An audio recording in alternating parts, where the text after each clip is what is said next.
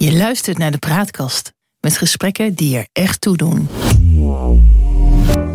Welkom bij deze nieuwe aflevering van Nu is Later. Een podcast die gaat over ben je geworden wat je wilde worden? Hoe ben je uitgekomen waar je nu bent en waar wil je naartoe? Mijn naam is Victor Chevalier en je luistert naar praatkast.nl. Vandaag hebben we te gast Willem van Leunen. Op dit moment is Willem CEO van Throughout Productions. Hij heeft een bijzondere carrière, een mix van technische applicaties, media en theater. Hij heeft niet alleen vele websites ontwikkeld, maar ook online media en applicaties voor smartphones en tablets. En dan is het vooral de integratie van al die vormen waarin hij geïnteresseerd is. Hij houdt zich ook bezig met begeleiding van ondernemers die zowel voor zichzelf als voor hun bedrijf een innovatieve doorbraak willen maken. Maar Willem is vooral creatief en maatschappelijk actief en betrokken. Hij wil graag de wereld een beetje beter maken. Althans, die indruk heb ik dan. Samen met zijn collega Jarno Korf heeft hij programma's ontwikkeld om depressies bij jongeren bespreekbaar te maken en daarmee hopelijk ook te voorkomen. Momenteel toert hij dit jaar met de theaterproductie Laat het licht aan langs vele middelbare scholen door heel Nederland. Hoe is Willem uitgekomen waar hij nu is? En wie is de mens achter de functie? We kunnen het vandaag allemaal aan hem vragen. Sterker, we kunnen vandaag alles aan hem vragen, want hij is bij ons in de praatkast. Hartelijk welkom, Willem. Ja, dankjewel. Uh, klopte mijn intro een beetje? Ja, klopt in de grote lijnen. Eigenlijk, uh, wat ik wel mooi vond je zegt, is dat het... Ja, ik heb heel veel, heel veel ge, ja, gewakkeld uit naar allerlei verschillende dingen, waarvan ik inderdaad techniek heel erg leuk vind. Ja. Maar vooral het combineren van die dingen. Ja. Dus hij, uh, sommige mensen zeiden altijd dat ik een uitvinder was omdat ik dan dingetjes bij elkaar bracht die nog niet eerder bij elkaar gebracht waren. Nou, dat was ook hetgene wat mij opviel aan jou. Dat, je, dat je eigenlijk heel breed bent, maar wel overal rode lijnen tussen ziet... die een gemiddeld mens, die geen Willem van Leunen heette, dus niet hebben. Ja, ja. Dus, uh, toen ik ooit... Uh, had ik een bedrijf met mijn, uh, met mijn eerste, met mijn laatste ex eigenlijk. Eerste, laatste ex. Ja, ja. nou, er zijn wel meer eerste exen geweest. Maar de laatste serieuze ex heb ik 17 jaar een relatie mee gehad. Ja. En uh, die zei wel vaker, omdat we daar ook samen een bedrijf hadden. Mm -hmm. um, had ik weer een idee. Ik zei van, oh, we moeten dat en dat en dat doen. En uh, toen zei hij, uh, nou, we hebben er wel aan begonnen. Maar ja, er was geen geld mee, geen geld mee te verdienen. Ja. En, um, maar vijf jaar later zegt hij dan, Weet je nog dat jij het er toen over had? Man, dat hadden we gewoon door moeten zetten, want het is er nu. En uh, dat is een oh, wat zonde. Weet je wel, ja. ja. En dat was heel vaak. En dan zei ik altijd, zie je wel. En dan werd hij boos. Dat, dat, ik zie dat is eigenlijk ook de reden waar, waarom de relatie uh, gestopt is dan? Nee hoor, nee, we zijn gewoon hele goede vrienden naar elkaar gegaan. Okay. Uit elkaar gegroeid. We werden gewoon op een gegeven moment ja, meer vrienden dan partners. Oké, okay. ja, dat, ja. Dat is op zich ook prima. Maar jullie kunnen gewoon nog steeds wel met elkaar werken als, dat, als dat zo uitkomt. Ja, we werken soms ook met elkaar. Oké, okay. ja, leuk. Dan, hey, maar deze podcast die gaat dus over eh, of je geworden bent wat je wilde worden. En dat is mijn, mijn, mijn eerste vraag altijd in deze podcast-serie. Ben jij nu wat jij vroeger eigenlijk wilde? Ja, dat vind ik, daar heb ik over nagedacht. Ik vind het ingewikkeld, want ik doe wat ik leuk vind. Mm. Ik uh, haal heel veel energie uit mijn werk. Werk ook leuk om te doen. Ik werk van uh, 7 uur s ochtends tot soms uh, 12 uur s'nachts, omdat ik het niet eens als werk zie. Ja, dat je gewoon lekker bezig bent. Lekker bezig, weet je wel, ja. dat. En ja, had ik dat van tevoren ooit bedacht? Ik had, ik had wel van vroeger toen ik jong was, dacht ik, ik wil ondernemer worden. Dat wel. Dat ben ik wel geworden. Want ik heb eigenlijk nog nooit voor een baas gewerkt. Nog nooit? Ja, toen ik jong was, uh, krantenwijkjes, uh, pizza, pizza's bezorgen. En in een kroegje gewerkt. Ja, dat wel, maar... Dat Als we helemaal teruggaan in de tijd, waar, waar kom je van oorsprong vandaan? Want we zeiden net voordat de opname startte al van... er zit een zachte J in jou terwijl je uit Amsterdam ja. komt. Dus dat is een beetje een bijzondere ja. combinatie. Vertel. Ja, ik, ik, ben, ik ben geboren getogen in Brunsum. Dat is in Zuid-Limburg. Ja. Vlak naast Heerlen. Mm -hmm. En, um, ja, het is een medium groot dorp. De, de Brunsum zeggen altijd, oh, het moet eigenlijk stadsrecht hebben en allemaal dat. Maar daar ben je niet zo mee eens.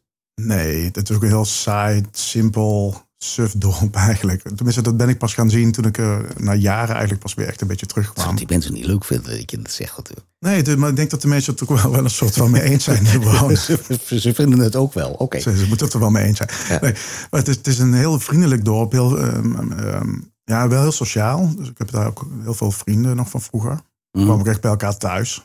Uh, de, bij heel veel ja, vrienden van mijn ouders. Eh, bij ons was het echt een verzoete inval altijd. Ja. En eh, ook met mijn vrienden kwamen altijd langs. De vrienden van mijn broertje kwamen altijd langs. Dus altijd heel gezellig eigenlijk. Ja. niet een heel specifiek mooi dorp. Gewoon een, ja. En jouw ouders en familie komen ook uit die omgeving? Ja, mijn familie en ouders komen eigenlijk uit Helmond. Gek genoeg. Oké. En ehm, zowel mijn moeder als mijn vader kwamen uit Helmond. En Mijn Ja. vader was, eh, ehm, had aan de kunstacademie gestudeerd. En die was kunstenaar. Mm. En die kon een baan krijgen in Brunsum. Bij, de, bij het ziekenhuis. Was een, ik ben even de naam kwijt hoe dat heet. Waar ze oudere mensen verzorgen. Zo'n verzorgingshuis. Ja. En dit hij de creatieve kant. eh, Die ging met die mensen eh, schilderen. Ja, objecten maken, kleien. Al dat Ja. soort dingen. Een soort, soort creatieve eh, ja, begeleiding van, van ouderen. Oké. Een, een, een soort activiteitenbegeleider heet dat dan, denk ik. Ja, of een, ja, een creatief therapeut of zo. Misschien zo noemde het geloof ik zelf. Ik kan me niet zo goed herinneren hoe hij het ook wel noemde. Nee, ja, dan weet ik ook niet hoe ze dat eh, ge- genoemd hebben. Maar wat me wel opvalt is dat, dat je dan eigenlijk ook wel met veel, met veel warmte over jouw ouders spreekt. Klopt dat? Ja, heel erg. Ze leven allebei niet meer.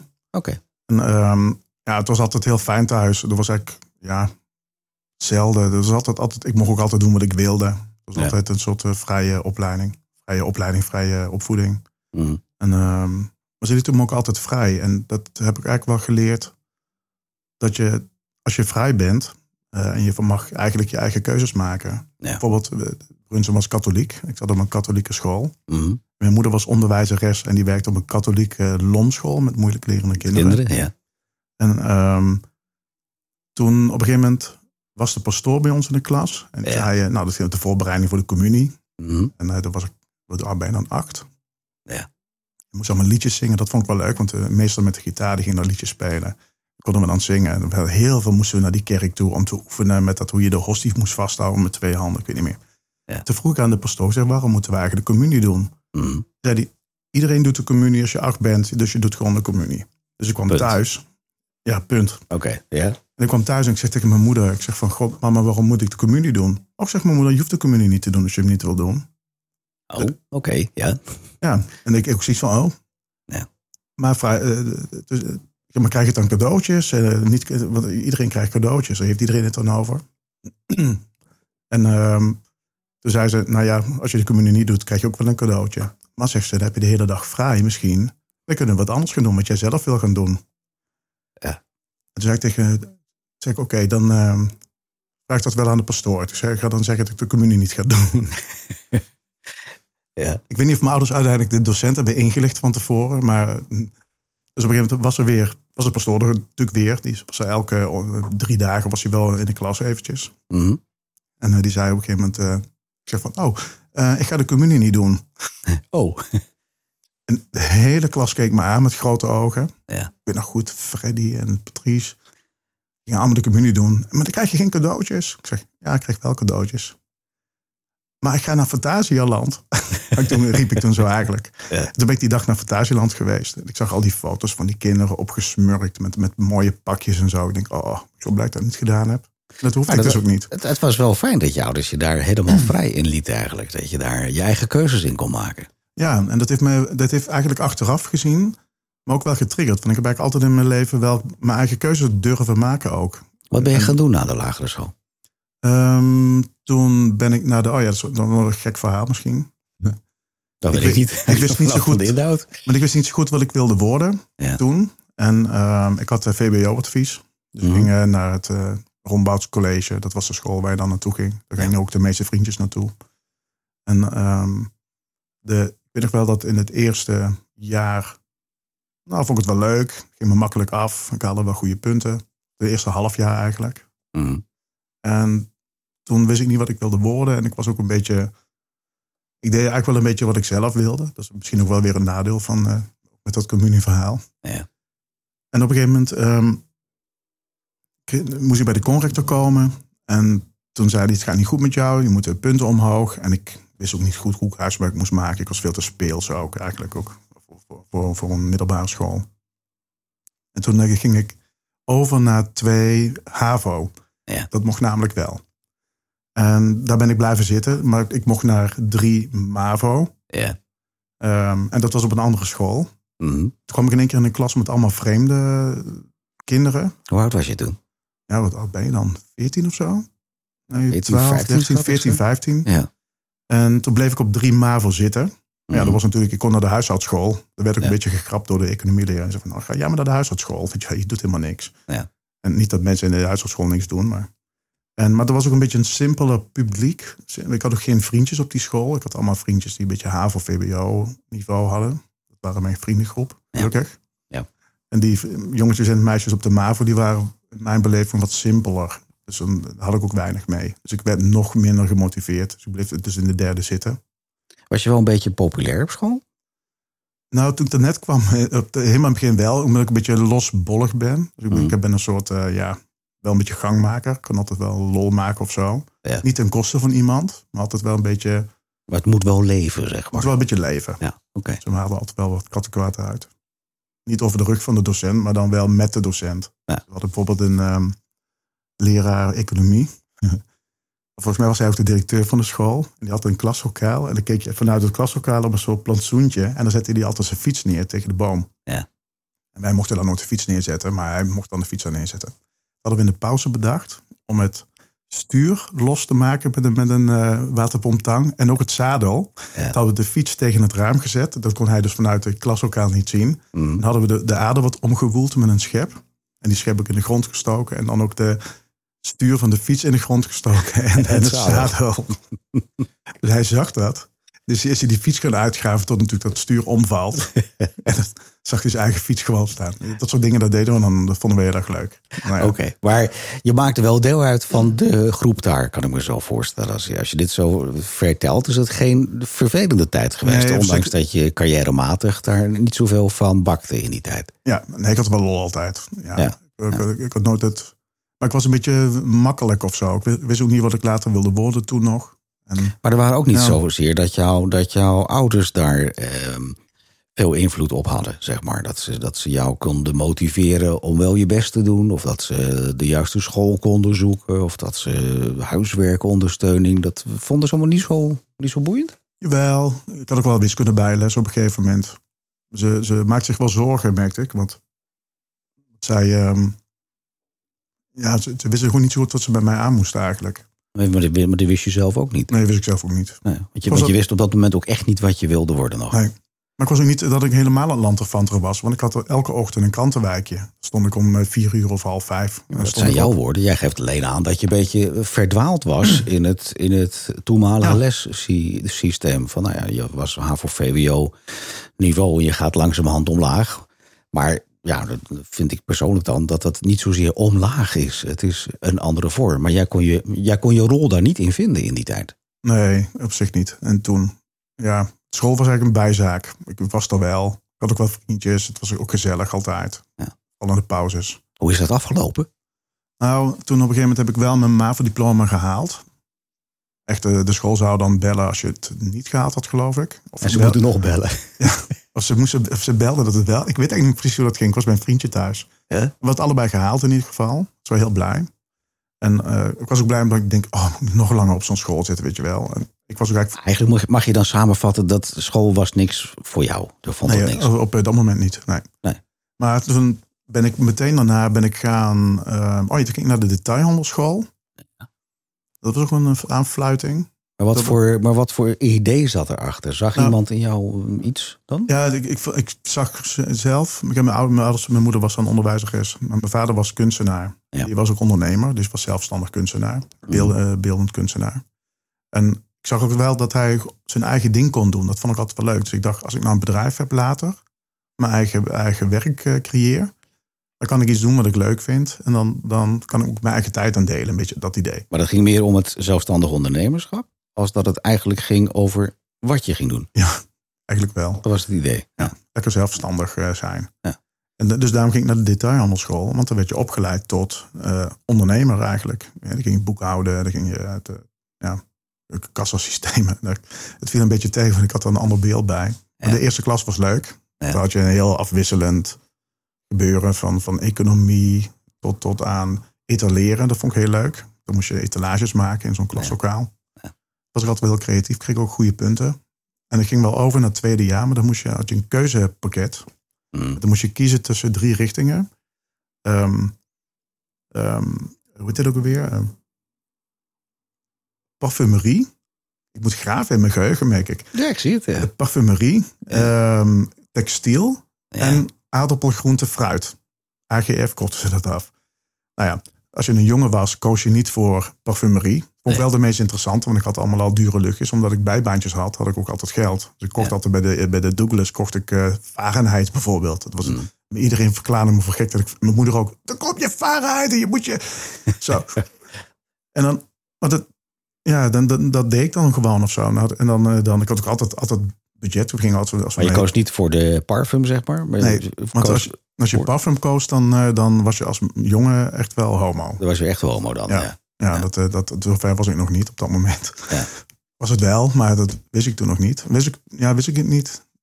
Ik denk dat ik het wel door had, dat ik het daarom niet koos, denk ik. Dat je juist daarom, om Juist je daar daarom. tegen af te mogen zetten. Ja, ja, ja. En toen ehm, textiel, dat koos eigenlijk iedereen. Mhm. Want? Nou, dat was het meest populair of zo. Want Ja, maar wat kon je daarmee doen dan? Textiel, ging je in, Nou, kledingzaak werken, stel ik me voor? Of Ja, stel ik me voor, dat? of een groothandel beginnen in kleding. Ik, ik heb eigenlijk serieus geen idee. Want ik, ik, ik, heb het nooit, nee, maar ik heb het nooit begrepen ook echt. Nee. En aardappel, groente, fruit. Dat was Ja. de derde richting. Ja. Toen dacht ik, nou, nou ja, omdat niemand dat kiest, dan kies ik dat wel. Want ja, hè, dan eh, dus het, textiel, dus ik met al die, oh, nou, doe ik niet. Nou, toen kregen we de boeken. Mhm. En ik weet nog wel dat, ik- dat ik de boeken opensloeg. Ja. En toen zei de docent, en die was dan de verantwoordelijke van aardappel, groente, fruit. Ja. Onze, onze mentor of zo. Die zei, ehm, hoe heet jij? Ik zo, Willem. "Eh, doe de boek even dicht. Ik zeg, nou, ik ben even aan het oriënteren, aan het kijken wat het is. Want ik weet niet, niet- even niet helemaal zeker of ik dit eigenlijk wel wil. Ja.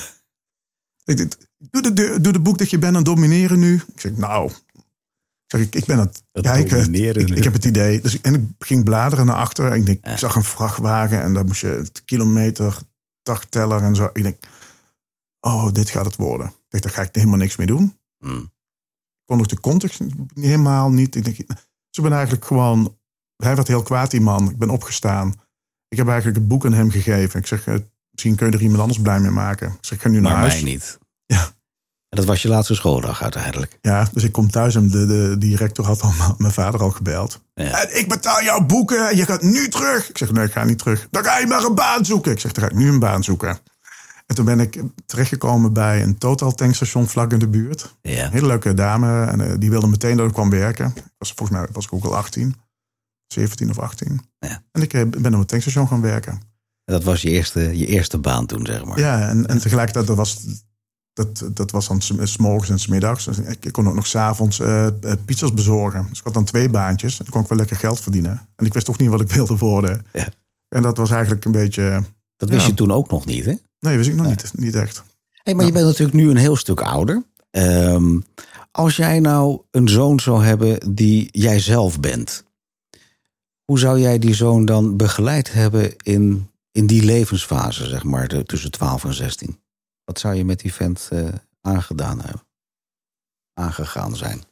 Ja, met de kennis van nu zou Ja, ik, zou, letterlijk kennis van nu. Gewoon Ja. even lekker makkelijk. zou ik veel, veel meer hebben ge- ge- geluisterd of, of gekeken wat hij nou eigenlijk leuk vond om te doen. Ik speelde bijvoorbeeld muziek op dat moment. Ik, had een, eh, ik speelde piano. Ja. Ik was heel erg geïnteresseerd in eh, muziek opnemen, liedjes schrijven. Dat deed ik ook eigenlijk al. Mhm. Ja, wie gaat daar zijn geld mee verdienen ooit met muziek? Ja. Dus, ehm, maar dan dat motiveren. En daar kijken van oké, maar hoe kunnen we dan kijken? Wat voor beroepen zijn er eigenlijk in die richting? Wat, wat kunnen, zijn er opleidingen in die richting? Wat, wat, wat kun je daar dan mee? Zo zou eigenlijk zeggen, dan zou je beter geluisterd hebben naar wie jij toen van binnen was. Ja. Zo zeggen. Ja, had ik het niet zo weggemoffeld. Maar ik denk dat achteraf ik ook denk dat mijn vader misschien iets heeft gehad van ja, het is maar heel moeilijk om met kunst of zoiets dergelijks je geld te verdienen. Nou, daar wist hij zelf alles van. wist hij zelf alles van. Ja. Misschien wilde hij mij ook dat pad niet in laten gaan. Want ik was dan met die muziek bezig. Maar ik was ook een beetje vlieren fluiten. Dus ik was ook, ik deed maar af en toe eens wat. Ik- Ja, ik was er wel mee bezig. Ja. Maar Dat, dat zagen ze wel, maar was er ook wel trots op. En dan gingen ze liedjes aan vrienden laten horen wat ik dan gemaakt had. En dan ja, dat wel. Maar omdat, ze hebben niet, nooit die klik gemaakt. Pas later mijn moeder wel. Want op een gegeven moment had mijn moeder een, een, volgens mij een reunie met allemaal vriendinnen Mhm. van vroeger. En een van hun had een zoon en die ging naar muziektechnologie. Oké. En dat was in Hilversum een opleiding. En die zei, hey Willem, is dat niet wat voor jou? Iets met techniek, met muziek. Uh, misschien moet je naar een open dag gaan. Ja. En nou, ik dacht meteen, wauw, wat gaaf. En uh, toen heb ik ook nog een telefoongesprek met die zoon gehad. Die zat nog op die opleiding op dat moment. Ik vond het eigenlijk gelijk heel interessant. En toen dacht ik, ja, dus creativiteit, dus die muziek. Gecombineerd met technologie met computers werken, met, met, eh, met opnamesystemen, microfoons, cd's, weet je wel, nou ja, noem ze maar op. Ja. Dat vond ik wel interessant. Dat was hetgene waar je uiteindelijk ook in uitgekomen bent. Maar daar gaan we zo meteen naar luisteren. In Ja. het tweede gedeelte. Dankjewel Willem voor het eerste stukje. En eh, we gaan zo meteen verder met deel 2. Top. Oké.